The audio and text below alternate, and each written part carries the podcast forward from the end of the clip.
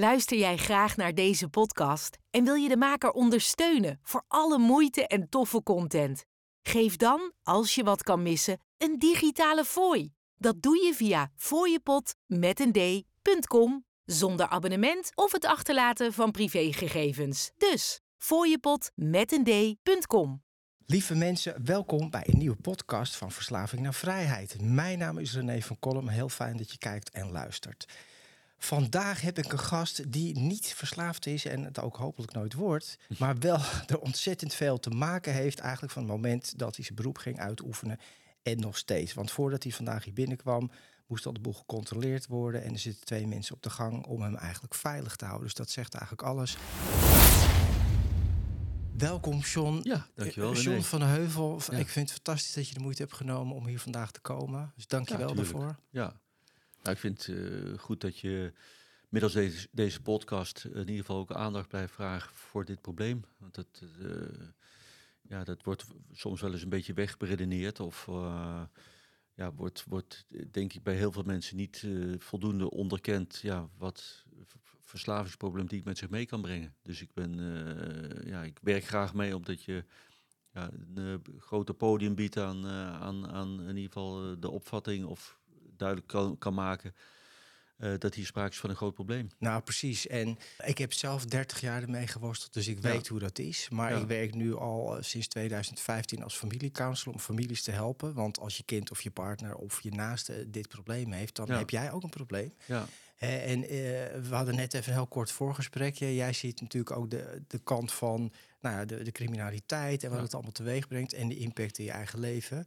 Maar ik zie natuurlijk ook de destructie, het verdriet en de ellende die het teweeg brengt in families, gezinnen, relaties. ja. En Die is gigantisch. Hey, en hoe ben jij eh, zo op dit pad gekomen? Want jij bent iemand die zich echt eh, uitgesproken, nou, uitroept over deze, deze tak van misdaad, zeg maar. ja. Hoe is dat zo gekomen? Eh, nou, dat is niet van de ene op de andere dag eh, zo ontstaan. Ik ben eigenlijk al, eh, als ik zo terugkijk op mijn loopbaan, eh, al vanaf dat ik bij de politie in Amsterdam ging werken, eh, geconfronteerd met, met verslavingsproblematiek. En ik ben in eh, 1981, moet ik dat goed zeggen, ben ik eh, naar de politieschool gegaan in Amsterdam. Ja. En in 82 dus daar op straat beland. En eh, dat, eh, zeg maar, het, het- met name het heroïneprobleem was toen immens. Ik weet En- er alles van. Je had mij kunnen tegenkomen toen op straat. Ja, ja, ja, ik zat toen op de C. Dat was mijn beginperiode. ja nou, voor mij ook. Voor mij ook. En ik, ik werkte op bureau Eitunnel, maar we hadden toen heel veel problemen op de Zeedijk. En, en dat was niet echt mijn district, maar je had het Zeedijk-detachement. Ja, En dan moesten eh, ja, eh, politiemensen uit andere gebieden van Amsterdam, zelfs uit Nederland, moest, werden aan de Warmoestraat gedetacheerd. Om daar proberen nog een beetje te redden wat het te redden viel. Maar het was natuurlijk een drama. ja. En eh, ik woonde zelf ook in de, in de binnenstad, eh, in de Spuistraat onder andere. En daar had je een, eh, een, een opvang voor heroïneverslaafden. Nou, die hele, die hele buurt ja, had daar eigenlijk onder te lijden. Ja. Waarom? Om, om niet, niet zozeer dat er gebruikt werd, maar ja, natuurlijk eh, omdat er heel veel pogingen moesten worden gedaan om aan geld te komen voor, voor heroïne. ja. Dus er werden auto's opengebroken, werden mensen beroofd, noem maar op. Dus aan de ene kant woonde ik daartussen en aan de andere kant moest ik eh, als agent eh, ja, dat helpen bestrijden. Maar het was eh, dweilen met de kraan open, er was, er was ge- geen redden aan. En vanaf die periode, daarna heb ik natuurlijk als undercover agent gewerkt in Amsterdam. Dus op die manier de verslavingsproblematiek eigenlijk leren kennen. Wat overigens wel grappig was in die opleiding ja. was een onderdeel, ja, praktijk, opleiding tot undercover agent. En wij moesten natuurlijk grotere hoeveelheden drugs gaan kopen onder Mhm. het mom van, eh, ja, eh, je bent drugshandelaar, maar in feite was je, eh, je was in werkelijkheid van- was je van de politie. Maar in die opleiding werd ons letterlijk gezegd, ja, jullie gaan straks een grote drugshandelaar worden. Hè? Zo ga je je voordoen, Ja. een grote auto. Ik kreeg een grote Mercedes, dure klok, een mooie penthouse ergens in, in Amsterdam. Maar voordat het zover is, willen we eerst dat je teruggaat naar de groot. Dat je zelf doormaakt wat een, een, een junk eigenlijk meemaakt. Dat is wel heftig. En eh, ja, dus we moesten eh, ons, we werden helemaal eh, gesminkt als, ja, min of meer als zwervers. En we moesten, zeg maar, de straat op. En je moest dan, de opdracht was om, om 24 uur te overleven. En, en geld bij elkaar te bedelen en een, een slaapplaats Ja. te organiseren. Voor jezelf. En ik zal nooit vergeten, ik toen in een opvangcentrum terecht kwam van het Leger des Heils. En dus tussen verslaafden Ja. moesten slapen. En, en daar één nacht kan je nagaan. Ik heb, het is lang geleden, maar het heeft zoveel impact eh, gehad over op wat ik toen eh, heb meegemaakt. Dat me dat wel heel erg is bijgebleven altijd. Ja, dat is wel bijzonder heftig. Maar dus die levensstijl die in één nacht heeft al heel veel impact op jou gemaakt. Gewoon Ja. wat er allemaal bij komt. Ja. Maar ik neem niet aan dat ze je zo ver hebben gepoest dat je ook moest gaan gebruiken. Om te ervaren wat dat is. Nee, Nee. nee, nee, nee. eh, dat was eh, in die tijd. eh, kijk, dat was not done natuurlijk. Want je mocht niet als Nee, undercover agent mocht je, mocht je gebruiken. Je had wel de trucjes om, om die situatie te vermijden. En, en in het alleruiterste geval, ja, zeg maar, als je leven op het spel zou staan, dan, dan mocht het wel. Maar dat was wel de zaak. Was natuurlijk stuk, want je kon niet voor de rechter komen Nee. met een procesverbaal van een eh, undercover agent die zelf zijn neus had vol, volgedouwd. Nee, dat is een moeilijk verhaal. Dus Dat was een moeilijk verhaal. Ehm, Maar je bent Dus- dus, al heel lang Ja. hiermee bezig. Ja. Want inderdaad, in 89 dat was al een tijdje geleden. Dus de tijd dat ik daar ook rondliep. Het is allemaal één grote. Dus die triestigheid, die ellende, die ken Ach. je al heel lang. Ja. En daarom kan ik me ook zo opwinden over, over eh, mensen die dat bagatelliseren. Of die ook eh, suggereren dat, dat drugs, met name harddrugs, dus niet verslavend zijn. Ik, eh, ik kan me herinneren, eh, hij zit nu vast, maar Meen, Kok was een van de grote drugshandelaren van, eh, van Amsterdam. Eh, en is dat eigenlijk nog steeds, hij is recent weer veroordeeld. Mhm. En die, die zat, ik denk een jaar of twee, drie geleden, zat hij in het programma van Danny Goosen. Die was naar Libanon gereisd om hem daar te interviewen. Daar Ja. woonde hij toen.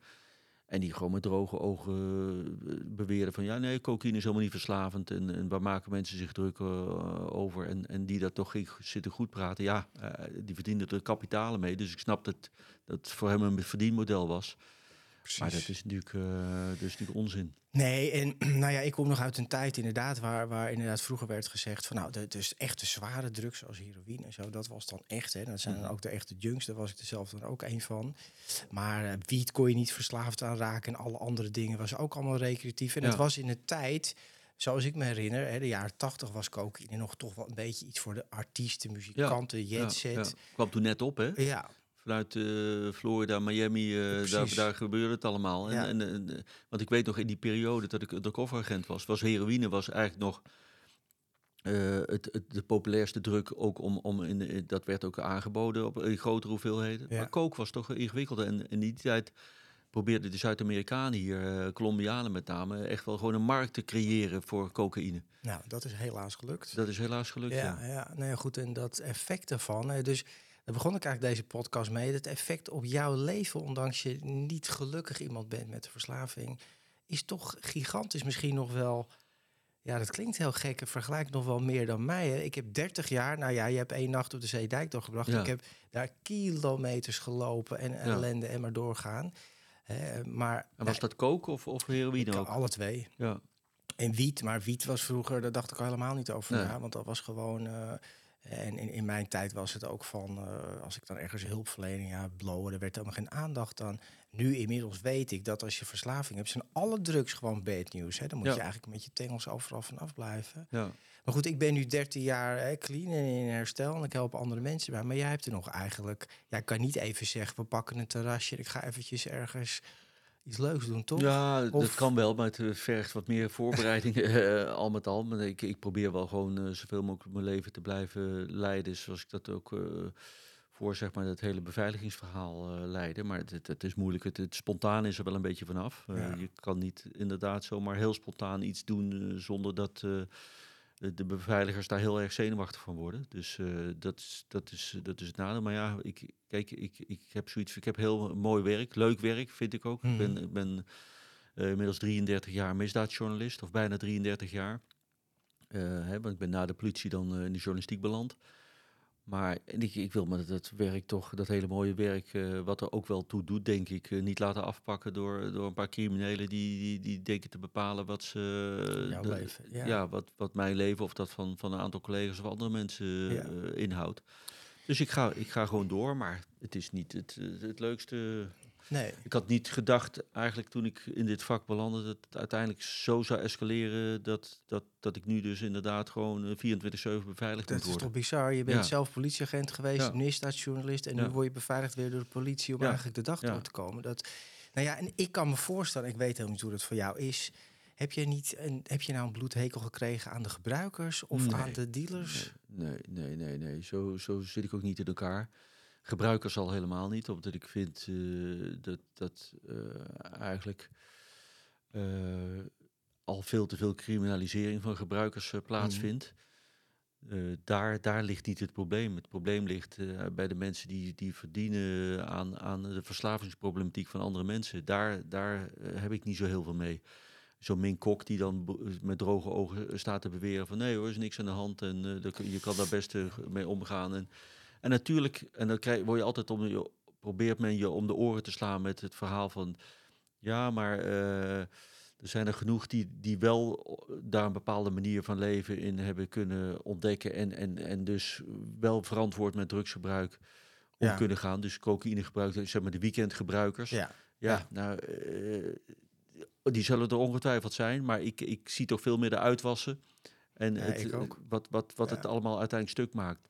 Nou ja, goed, maar ook, ook de weekendgebruikers, er zijn er vele. En, de weekenden worden steeds langer, zeg maar. Ja, Dat- ja, ja. Want dat is ook een probleem, dat hoorde je ook ergens anders zeggen. De normalisering van alle drugsgebruik is bizar ja, en is gigantisch. Dus, en dat heeft een impact, dat kan niet anders. ja, Maar ook die, wie- de, de zogenaamde weekendgebruikers, wat vaak donderdag begint en, en eh, Dinsdag eindigt. en dan twee dagen bijkomen. En dan, nee, maar ik ben niet verslaafd. Hè, dus, hè, maar die dragen natuurlijk ook bij aan die handel, zeg Ja. maar. Aan, de- het is vraag en aanbod. Nou, daarom vind ik het wel belangrijk dat, dat eh, de gebruikers in ieder geval zich wat meer bewust worden van niet alleen van hun eigen eh, situatie, maar ook van wat het allemaal nog meer voor impact heeft.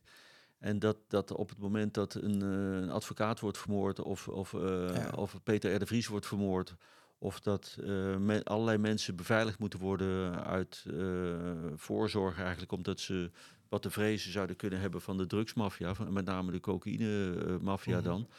Eh, ja, dan, dan, dan mogen gebruikers zich ook wel een beetje realiseren. Die Ja. mogen daar ook best wel eens over nadenken. En ik zat gisteren toevallig naar een eh, aflevering van Nieuwsuur te kijken, of toevallig. Dat ging dan over de aanslag op die presidentskandidaat in Ecuador. Ja, gezien. Waar de drugsmafia eh, hem heeft, heeft eh, vermoord eigenlijk omdat hij meer wilde doen aan corruptie en drugshandel. Ja, weet je, denk nou eens ook even na dat op het moment dat jij die snuif neemt, dat dat, eh, dat soort gevolgen he- heeft in de, de drugsproducerende landen als Colombia en Ecuador. Dat is ver van mijn bedshow, dat weet ik wel. Maar, maar, maar denk er toch eens even over na.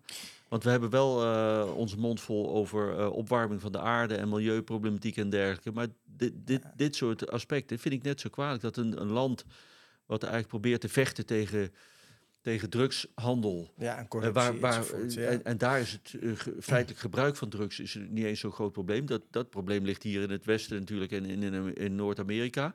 Ja. Maar, maar wij zadelen door ons gebruik dat soort landen wel op met die, met die, met die problemen, met die corruptie en Ja. met eh, dat geweld. Je bent gewoon mede verantwoordelijk. hè. Ik bedoel, ik, ik ben totaal geen heilig boontje verre van geweest. Nee, ik ook niet, hoor. Nee, maar ik stond daar vroeger ook nooit bij stil. Maar toch, hè, ik vind het een heel goed punt. En dat is ook een van de redenen waarom ik die podcast heb. Om mensen meer bewust te maken van wat het allemaal is. Maar ook de ellende die het geeft. Want het is eh, een leuke avond of, of een half uur leuk.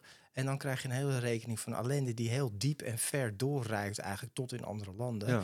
Maar hoe kan het nou hè, eh, dat inderdaad mensen worden nou ja, doodgeschoten, bedreigd, toestanden. En dat die link niet wordt gelegd met de gebruiker van, van eh, hey, maar ik, ik heb hier ook wel een aandeel in. Hè? Hoe Ja. kan dat nou dat dat Ja. niet gebeurt, denk jij? Nou, ik denk, eh, jij noemde het net zelf ook al, het, dat dat vooral ook te maken heeft met het normaliseren van drugsgebruik. Dat, eh, ja, dat, dat eigenlijk eh, dat gevoel onvoldoende wordt aangewakkerd en on- in ieder geval onderkend, maar ook wordt aangewakkerd door, omdat bijvoorbeeld eh, er, er geluiden op blijven duiken van ja, als we het allemaal maar legaliseren, dan komt het wel goed. Dan nemen we het verdienmodel weg en dan komt het wel goed. Nou, dan misken je dus al, al alle risico's die er kleven aan drugsgebruik. En ehm, dan vind ik ook dat de overheid daar wel iets in te verwijten valt. Eh, namelijk dat je dat allemaal een beetje met de mantel der liefde bedekt en er niet echt een issue van maakt. Terwijl ik vind dat we zijn er best wel in geslaagd om bijvoorbeeld het, het eh, alcoholgebruik onder jongeren in ieder geval wat, wat terug te drinken. Roken. Sigaretten, roken, Ja. et cetera. Eh, we, er zijn nu hele campagnes om overgewicht bij de jeugd tegen te Ja. Maar dit wordt, het lijkt wel of het verleden wordt doodgezwegen. Ja, En dat vind ik zo apart. Ja, het is, het is bizar. Hè? Ja. Ik, ik werk drie dagen in een, eh, een jeugdkliniek waar, waar onder andere ook veel eh verslavingsproblematiek eh, plaatsvindt. En ook gewoon, gewoon heel veel te veel gebruik en misbruik. Het probleem is echt gigantisch. Het wordt alleen maar groter. Hè? Er Ja. zijn om en erbij 2 miljoen mensen in Nederland met verslavingsproblematiek. Waarschijnlijk zijn het er nog meer. Ja. En dat groeit, vooral Ja. onder jongeren. Ja. En er wordt gewoon helemaal, de overheid, niemand, er wordt geen campagnes op Nee. scholen. Het is Nee. toch, is echt bizar. Ja, dat, dat- en daar probeer ik wel gewoon. En daarom is eh, wat jij ook doet zo belangrijk. Met, met een podcast of in ieder geval aandacht vragen Ja. voor het probleem. Ik geef zelf ook eh, lezingen op eh, universiteiten. Op verzoek van studenten zelf, van studentenverenigingen. Van John, kom alsjeblieft iets vertellen over, Ja. over waar wij ons eigenlijk heel erg zorgen over maken. Namelijk het normaliseren van cocaïnegebruik onder Ja. studenten. Die hebben een soort van eh, campagne, waar trek jij de lijn? Om, om het in ieder geval bespreekbaar te, ma- te maken, het probleem. En Ja. en dan zitten die collegezalen zitten stampvol. En iedereen eh, luistert en zit braaf ja te knikken. Ja. Eh, maar ik denk dat als studenten zich al zelf zorgen gaan maken over Ja. hun eigen cocaïnegebruik, dan is er echt iets aan de hand. Ja. Hoor. Ik bedoel, ja, Dat is bizar. ja, dat, Ja. Dat, dat, dat zegt wel iets. Ja. Wat ook iets zegt, is dat er ik- twee weken geleden of zo, of, of nog iets langer geleden, is er een partij van 8000 kilo coke in beslag genomen. Ook, ook uit Ecuador. Mhm. En dan denk je, wat een mega hoeveelheid. Eh, maar het heeft geen enkele invloed op, op de prijs of op, eh, Nee. op het aanbod. Dus kan je nagaan Wat hoeveel er, er... precies, wat er nog allemaal ligt. Wat er allemaal ligt. Ja, En, en, en hoeveel mensen er dus Ja. eh, gebruiken. ja. Dus, dus kijk, ik wil helemaal niemand zijn, zijn, zijn, zijn lolletje of zijn, zijn genotsmiddelen ontzeggen. Maar ik vind wel dat wij de taak hebben, en met- wij bedoel ik dan in Mhm. ieder geval de oudere generatie, om de jonge generatie wel duidelijk te maken dat het niet normaal is om als je je kloten voelt dan maar je neus vol te douwen of als je uitgaat Pilletjes, pillen te alles. nemen. Ja. Dat is niet normaal. Ja. Eh, en en, en ja, dat is iets wat niet genoeg benadrukt eh, kan worden. Ja. En dat los je ook niet op met eh, legaliseren. Want legaliseren vind ik, dan, dan, dan eh, verlaag je eigenlijk de drempel ook nog eens om eh, drugs te- dan maar te gaan gebruiken. Want Ja. dan gaan mensen denken van nou, er zit helemaal geen schadelijke gevolgen aan. Nou, precies. Ik ben dat met je eens. Want legaliseren is toch eigenlijk een boodschap van... nou, het is oké of zo. Hè? Dat zit er natuurlijk onbewust in. hè. En, en alcohol is, is daar een groot voorbeeld van. Maar er zijn altijd meer mensen verslaafd aan alcohol dan aan drugs. Ja, En ik denk dat het elkaar op een gegeven moment wel gaat inhalen. Maar ik ben het met je eens, legaliseren is niet de oplossing. Maar bewustzijn, wat gewoon compleet ontbreekt nog steeds. Ja. En daar ben ik dan ook mee bezig. Nou, ik vind het ook wel tof om te horen dat jij dat ook doet. ja. Hè, onder studenten en anderen. En dat je hier komt vandaag. ja en ik schrijf columns over en ik Ja, heb ik probeer ook de politiek probeer ik, eh, Ja. ervan te doordringen van, van joh, ook bij de komende verkiezingen weer, maak daar nou eens een, een item van, maak, dat, maak dat een issue. Want het, eh, het, het is even los van eh, zeg maar je eigen gezondheid en, en dus in de algemene zin de volksgezondheid, is het ook gewoon een probleem van, van criminaliteit. En, en draag je dus bij aan, of blijf je bijdragen aan eh, georganiseerde misdaad in Nederland. En, en alle ellende en verdriet hè, die Ja. het geeft in families. Heb jij daar, hè, want jij zit aan de kant van de misdaad, maar heb je ook aan de kant van de ellende waar ik zit, zeg maar, of het verdriet, heb je daar ook dingen van gezien? Meer dan eh, lief is, Ja. eerlijk gezegd. En, Families, eh, eh, in mijn directe omgeving, maar ook, ook via mijn werk ben ik in contact gekomen of beland in situaties waar dat dus heel erg speelt. Ja, en, en dan gaan je ogen eigenlijk pas echt open Ja. als je ziet wat het allemaal eh, kapot maakt in, in familierelaties. En, Maar wat heb eh, jij gezien, zonder namen te noemen, maar wat voor verdriet heb jij gezien met mensen? En, Nou, ik heb toe- toevallig het afgelopen weekend weer eh, contact gehad met, met een moeder die eigenlijk aan het knokken is voor haar zoon. En, en die zoon, die ken ik ook, de- die waren bevriend met mijn kinderen. Die zijn we een keer op wintersport tegengekomen. Hartstikke leuke jochies. En eh, uiteindelijk de een doet het hartstikke goed en de andere raakte in, in een verslavingssituatie Mhm. terecht. eh, en eh, ja, daar zit hij eigenlijk nu nog in. Die zat- Die zat tien jaar aan het knokken om eruit te komen. En ik zie hoe, hoe, hoe- de, die hele familie eigenlijk letterlijk Ja. daarin wordt meegesleept en kapot gaat. Dus dat is een voorbeeld, maar ik kan zo nog twintig voorbeelden noemen van, van, Ja. van ellende die, die, die gepaard gaat met, met bovenmatig drugsgebruik. ja. En dat kan kook zijn, dat, dat kan GHB zijn, dat, dat kan van alles. Nou ja, je, je hebt tegenwoordig meer keuze dan Ja. ooit. Hè? Want die designerdrugs, dat is gigantisch. Dat zie ik vooral bij de, de echte jongeren. Heb ik het over 13, 14, 15, 16. Ja. hè. Dat- Echt, dat zijn echt, Ja. sorry, maar het zijn echt wel kinderen. Ja, Maar pilletjes, je kan alles bestellen. Ja. Via hun mobiele apps krijgen ze hele lijsten Ja. binnen. menukaarten, noem maar Ja, op. menukaarten. Eh, je, hebt het, al- je hebt het zo snel in huis. En, en de, de, de pest is ook nog dat die ontwikkeling zo snel gaat dat eh, ja, de, de wetgever loopt daar dan achter. achter. Dus, dus Ja. eh, vaak is het ook nog niet eens eh, strafbaar. Ja. Dus bepaalde middelen. Dus dat komt dan pak een beet over een jaar of twee jaar Ja, misschien en- op de, op de lijst voor de En dan hebben ze net weer wat veranderd. Ja, ja, ja. ja, ja. Nee, maar is natuurlijk ook begonnen met, met ecstasy. Ik, ik zal nooit vergeten, we zijn... ja, nu is ecstasy is natuurlijk algemeen bekend, maar in, in 88, toen zat ik nog op zo'n undercover team. Toen Ja. was voor het eerst eh, was er een, eh, een, een huisarts die eigenlijk via het criminele milieu eh, zocht naar grondstoffen ecstasy. En ik heb hem toen, bijzonder. ja, ik heb hem toen die, die grondstof geleverd. Dus door een politielaborant is, die, is dat gemaakt. Ja. En dat Om was- hem, om hem naar boven te krijgen. Ja, ja, ja. En, en, en nou, die huisarts die, die zou dat gaan produceren in opdracht van een bekende Amsterdamse drugscrimineel. Ik zal zijn naam niet noemen, maar die, die, die ha- heeft geïnvesteerd toen in. Ja. eh, grootschalige productie van ecstasy. Nou ja, we zijn nu eh, meer dan de 30 jaar verder. En als je precies als je ziet wat, wat, er nu, eh, wat er nu allemaal is ontstaan op het Ja. gebied van synthetische drugs. Ja, de sky is the limit. Ja. Ja, Je hebt zelf, je bent ook vader. ja. Hoe, hoe kijk jij daar? Want je hebt drie zonen. hè? Ik heb Ja. even gelezen in de Ja. tussen 20 en 30, als ik niet Ja, vergis. Ja, hoe- Die gaan natuurlijk ook wel eens uit. willen gaan zeer veel uit, Hoe ga je het eh, gesprek met hun aan? Gewoon als vader, als nou mens? ja, ik, ik heb eh, ook, ook door mijn eigen eh, zeg maar, jeugd en opvoeding eh, wel zoiets van, ja, ik kan, ik kan heel erg verbieden, maar dat, dat werkt niet. Nee. En juist bij jongeren, eh, zeker pubers, die hebben dan vaak toch het, het, het gevoel van, eh, of die, die, die kunnen dan toch niet helemaal goed inschatten wat, eh, wat risico's zijn. Die willen dingen proberen. Ik was zelf ook zo, ik wilde ook zelf alles proberen. Ik heb ook alles geprobeerd in die tijd. Oh, dat vind ik wel interessant. Ja, ja. Maar, ehm, ja. maar verbieden heeft niet zoveel zin. Dus Nee. ik heb, maar ik heb wel altijd uitgestraald eh, naar ze toe van ja, dat ik het geen goed idee vind, drugsgebruik. Sterker dat, dat ik er sterk op tegen ben. Dat ik ook niet wil dat het in mijn huis eh, gebeurt. Ja, dat begrijp ik. Eh, en eh, we, hebben natuurlijk eh, veel leuke feestjes gehad eh, thuis, maar er was ook altijd wel gewoon, ja, drugsgebruik wordt niet getolereerd. Ja. Dus dan, en als ik, het, als ik ze erop betrapte, dan, eh, gooide, ze, gooide ik ze er ook uit. Ja. Ehm, Dus je bent er wel heel strikt en duidelijk in geweest. ja, duidelijkheid is denk Ja, ik wel ja, gewoon in de opvoeding belangrijk. Ja, En, en voorlichting en dus vertellen. En, Ja. en eh, ik heb eh, ook wel eens eentje meegenomen naar, naar een verslavingskliniek. En eh, van een bevriende arts die, op, die opvang deed voor, voor verslaafden. Dus, dus op die, wat, wat eh, een van mijn zoons, die, die, merkte ik wel, die had daar een bepaalde nieuwsgierigheid toch naar.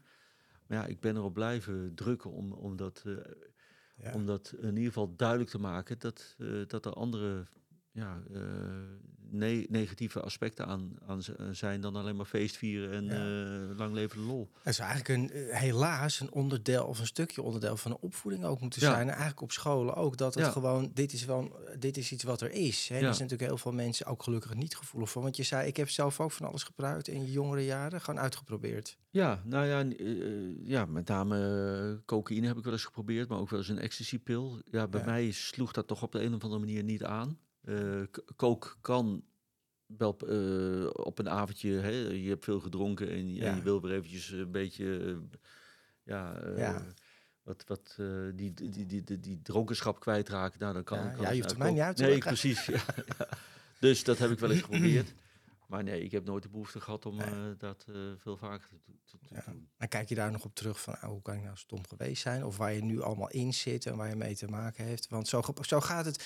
Wat bij jou, dat is natuurlijk het, het tricky. Je weet nooit van tevoren hoe het valt. Want bij jou viel het zo. Ja. Bij, bij mij dacht ik van, oh, maar zo wil ik me altijd voelen. Ja. Dit is de oplossing voor al mijn problemen. Ik dacht van, eh, nou, dit moeten ze door drinkwater doen. Is geweldig, hè?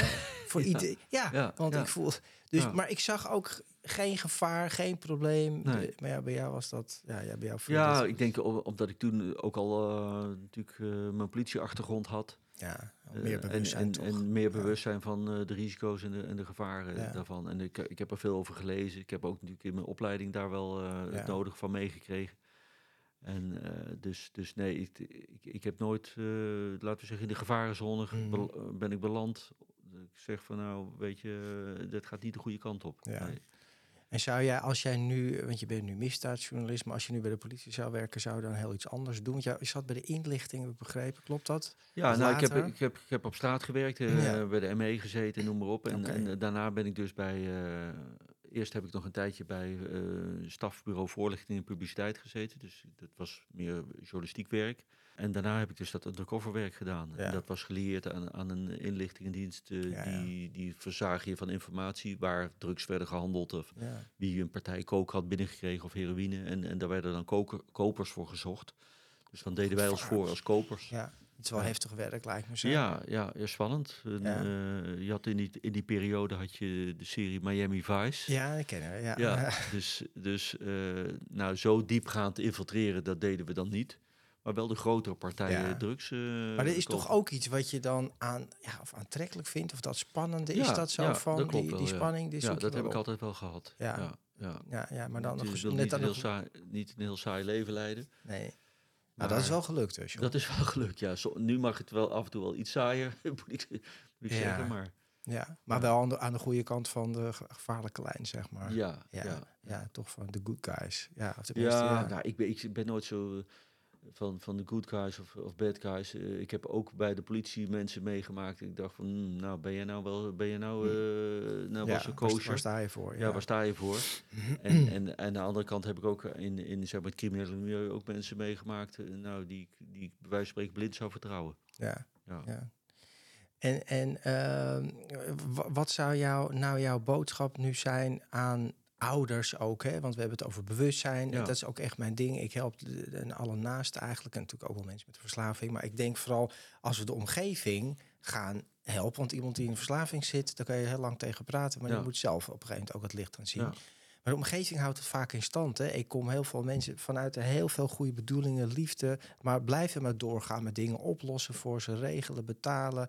En, en verslaafd heeft altijd lulverhalen van ja. hier. Ja, je weet, ja. Je, weet hoe het is. Wat zou jij tegen hun willen zeggen? Tegen de ouders en de partners? Nou, de al, allereerste ouders die zeg maar met opgroeiende kinderen zitten en die, die een beetje aanvoelen wel, want je kent je kind als het goed is uh, natuurlijk wel van nou, hè, dat er misschien hang is naar, naar dat soort spanning en, ja. en gebruik van. Uh, niet, niet met een gestrekt been erin gaan en, en verbieden en alles, uh, maar, maar probeer er vooral over te praten. En probeer, uh, ja, het, het, klinkt dan een beetje zweverig, maar in ieder geval de dialoog gaande te houden. En probeer mhm. op die manier ja, bewustwording te creëren bij, bij kinderen of bij mhm. jongeren. Dat zou ik willen zeggen. En als je toch, dan toch merkt dat er wel degelijk sprake is van, van probleemgedrag, probleemgebruik ja, trek heel snel aan de bel. Ja. En, en ga niet zelf lopen modderen, want dat, dat, dat, dat trek je als ouder niet. Dus, dus deskundige hulp is dan natuurlijk wel gewoon heel erg belangrijk om dat tijdig te gaan zoeken. Ja.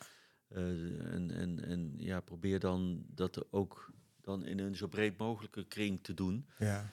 Dus niet alleen verslavingsdeskundigen, maar proberen ook uh, mensen, uh, bijvoorbeeld bij een sportvereniging of op scholen, erbij te betrekken om, uh, om, om, om te kijken wat, op, wat mogelijke oplossingen zouden kunnen zijn. Nou ja, en wat ik ook uh, bij jouw verhaal voor je uh, hoor, van je bent wel met je zoons hè, in gesprek gegaan ja. daarover. Ja. Maar je hebt ook wel gezegd van oké, maar dit tolereer ik thuis nee. niet. Dus ook wel heel duidelijke grenzen. De duidelijke grenzen. Ik heb ook mijn zoon wel eens een drugstest laten doen. Hm. Ik zeg ja, weet je, ik, ik heb toch er geen goed gevoel bij. Ja. En uh, we gaan dus vanaf volgende week, uh, om toch nog eventjes ook de, de, de kans te geven om er even... vanaf volgende week gaan we drugs testen. Hoe reageerde hij daarop? Ja, dat vond hij, uh, dat vond hij eigenlijk maar niks eigenlijk. Nee, begrijp nee, ik. Nee, ja. maar ik heb het hem toch laten doen. Ja. En, en hij ook niet eens zozeer met de gedachte van nu is het allemaal achter de rug en nu, nu is het voorbij. Want repressie alleen, dat vind ik zeg maar, op, op ja. dit lagere niveau of kleinere niveau vind ik dat niet de oplossing. Maar ook in de algemene zin vind ik het nee, niet. Is het ook niet. Nee, nee je kunt... Je kunt wel uh, razzia's gaan houden en... en uh, heeft helemaal geen zin. Joh. Heeft geen zin. Nee. Dus wat ik wel belangrijk vind, is bijvoorbeeld dat doen met die studenten, maar je zou dat ook breder kunnen uitrollen, ook bij sportverenigingen, bij, bij scholen, mbo's, hbo's, noem maar op, om, om dat thema in ieder geval bespreekbaar te maken. Ja. En wat ze bijvoorbeeld in België doen, dat vind ik dan wel uh, bij, bij uh, bijvoorbeeld de constatering van drugsgebruik onder eh, wat leidt tot strafbaar gedrag. Ja. Hè, dus vandalisme of Mhm. eh, rijden onder invloed in het verkeer. Ja, dat gaat allemaal hand in hand Ja, natuurlijk. dat gaat allemaal hand in hand. Om daar bijvoorbeeld verplichte cursussen aan, aan te koppelen. Hm. Dus, dus niet meteen iemand de strafblad bezorgen. Maar wel gewoon eh, verplicht twee of drie dagen, net zoals je dat ook hebt met al alcoholcursus. eh, om, om op die manier eh, dan mee te geven van ja, het is niet, Ja. niet we tolereren niet eh, helemaal eh, klakkeloos. Het, dat gedrag heeft ook wel als consequentie dat je nu ja, eh, de schoolbanken terug ingaat en, en mee gaat krijgen, dan maar verplicht van waar, waar jouw gedrag allemaal toe kan leiden. Ja, dus echt, ja, je zegt het eigenlijk steeds opnieuw, meer bewustzijn, meer Ja. preventie, Ja. meer ja, op Ja. de scholen, de verenigingen, alles dat gaan meenemen. En Ja. ik vind echt dat, dat daar vind ik echt gewoon een eh, hele grote taak weggelegd voor, voor ook de overheid, voor de regering, Nou, ja. voor, eh, voor de minister van Volksgezondheid, minister van Justitie, om daar iets aan te Ja. doen. Want dat meen ik ook oprecht. Al, eigenlijk eh, slaag je ook de mis, de misdaad het beste in te bestrijden door de, een deel van de vraag te verminderen. Het- Uiteraard. Ja, want, ja. want waarom worden die megaladingen kook hier maar naartoe gestuurd? Omdat er vraag is. precies. Dus ja. al zou je maar 20 of 25 procent van de vraag terugdringen, dat zijn al immense, immense eh, verliesposten eigenlijk voor drugsorganisaties. Ja, en, en Nederland is ook wel, wat ook wel bizar. We zijn zo'n klein landje en toch is het een, nou ik weet niet waar die staat in de top 5, dat weet jij misschien beter. Maar Europa en, en Nederland is natuurlijk... Heel hoog. Dus we staan heel hoog. Ja. Als doorvoerland. Is, is Nederland al een soort narco... Ja, staat is Nou, laat dat soort er maar af. Ja? Ik vind dat echt eh, best wel zorgelijk. En eh, nou, nou heb je denk ik niet... Kijk, een van de eh, kenmerken van een narco-staat is dat, dat zeg maar, de gevolgen van drugsmisdaad in alle geledingen zijn doorgedrongen. Dus, Mhm. dus, eh, dus, en dan met name eh, corruptie bedoel ik dan. Ja, in de bovenwereld omkoping, ja. in de politiek, et cetera. Nou, dat, dat is nog niet helemaal te vergelijken met wat eh, landen als Mexico, Ja. of Colombia of Ecuador doormaken. Maar, maar, maar het gevaar er- is er wel. Het gevaar is er wel dat Ja, die kant op overal tot door. Ja. Waarom? Omdat je er zitten er kleven zo, zulke enorme verdienmodellen aan die hele handel. Dus ehm, als je zo'n partij van 8000 kilo, hè, die dan onderschept is, als je dat helemaal zou analyseren van Mhm. hoe, hoe is dat nou, hoe is dat transport nou tot stand gekomen? Wie hebben die bestellingen gedaan? Wie investeren er mee? Eh, hoe is het logistiek allemaal voorbereid? Ik, je schrik je helemaal te pletter Wat er allemaal in zit. wat erin zit Ja. en, en op welke niveaus Ja, erachter zitten aan, aan eh, financiering van die, van die transporten. ja. Dus eh, dat kan niet anders dan dat daar ook mensen uit de bovenwereld een hele grote rol in spelen. Ja, ja, ja. Maar ja, goed, dat is natuurlijk ook zo. En, en, eh, maar ja, jij weet als geen ander nog veel beter dan, dan mij... dat de war on drugs, hè, die is al verloren bij voorbaat. Ja. Want alles wat we hier verzinnen, zij zijn slimmer. En Ja. dat zie je in Amerika. Het, heeft miljarden Ja. gekost. Dus ik vind ook, we moeten juist die andere kant op. We moeten naar de mensen toe, gewoon de families, de gezinnen, de, de scholen... Bewustzijn gaan brengen over ja, wat doet het nou eigenlijk en wat zijn de gevolgen? Want ik dacht er vroeger ook nooit bij na. Pas tot je mee te maken krijgt en dan zit je er al in. En dan, Ja. Hè, en dan nog is het ontkenning en niet toegeven. Wanneer was bij jou dat moment dat je, dat je echt zeg maar, de bodem van de put zag en dacht van nou, nu, moet er echt iets eh, gaan gebeuren, want anders is het, eh, is het gewoon einde verhaal. Ja, nou, dat is een goede vraag die aan mij stelt. Wa- Wat eigenlijk bij mij zo is, ik heb heel vaak door de bodem van de put gezien. Ik ben een tijdje dakloos geweest. Ik heb een zelfmoordpoging gedaan. Ik ben echt heel diep gegaan. En, echt, en toch ging het ermee door. Ook omdat, ik moet ook zeggen, er was, miste ook echt een stuk goede hulpverlening. Dus Mm. ik ben wel voor eh, de NN-methode. Dus en de opgeleide en de ervaringsdeskundige. Ook iemand zoals ik die gewoon weet Ja. hoe het is en door alle bullshit heen prikt. Maar wat mij uiteindelijk bij het stoppunt heeft gebracht, is toch de omgeving. Mijn omgeving, mijn, mijn eh, lieve vrouw en mijn eh, moeder, die op een gegeven moment. En mijn moeder was altijd tolererend en, en eh, faciliterend. En op een gegeven moment zei ze van nou, ik stop ermee, de deur gaat dicht. Hm. En eh, je krijgt niks meer. En we zijn er, weet je, we houden van je, maar dit kan niet zo doorgaan. En mijn vrouw zei, ik, wil wel oud met je worden, maar ik wil niet oud van je worden. En het werd ze heel snel, want het was toch liegen. En die heeft gewoon na een vrij korte tijd gezegd, die grenzen. Hè, dus dat, dat is wat ik ook de familie... Stop met iemand zielig vinden die daarin zit, maar ga gewoon echt grenzen stellen. Liefdevolle grenzen, duidelijk, zoals Ja. jij zegt. Ja. Dat heeft bij mij...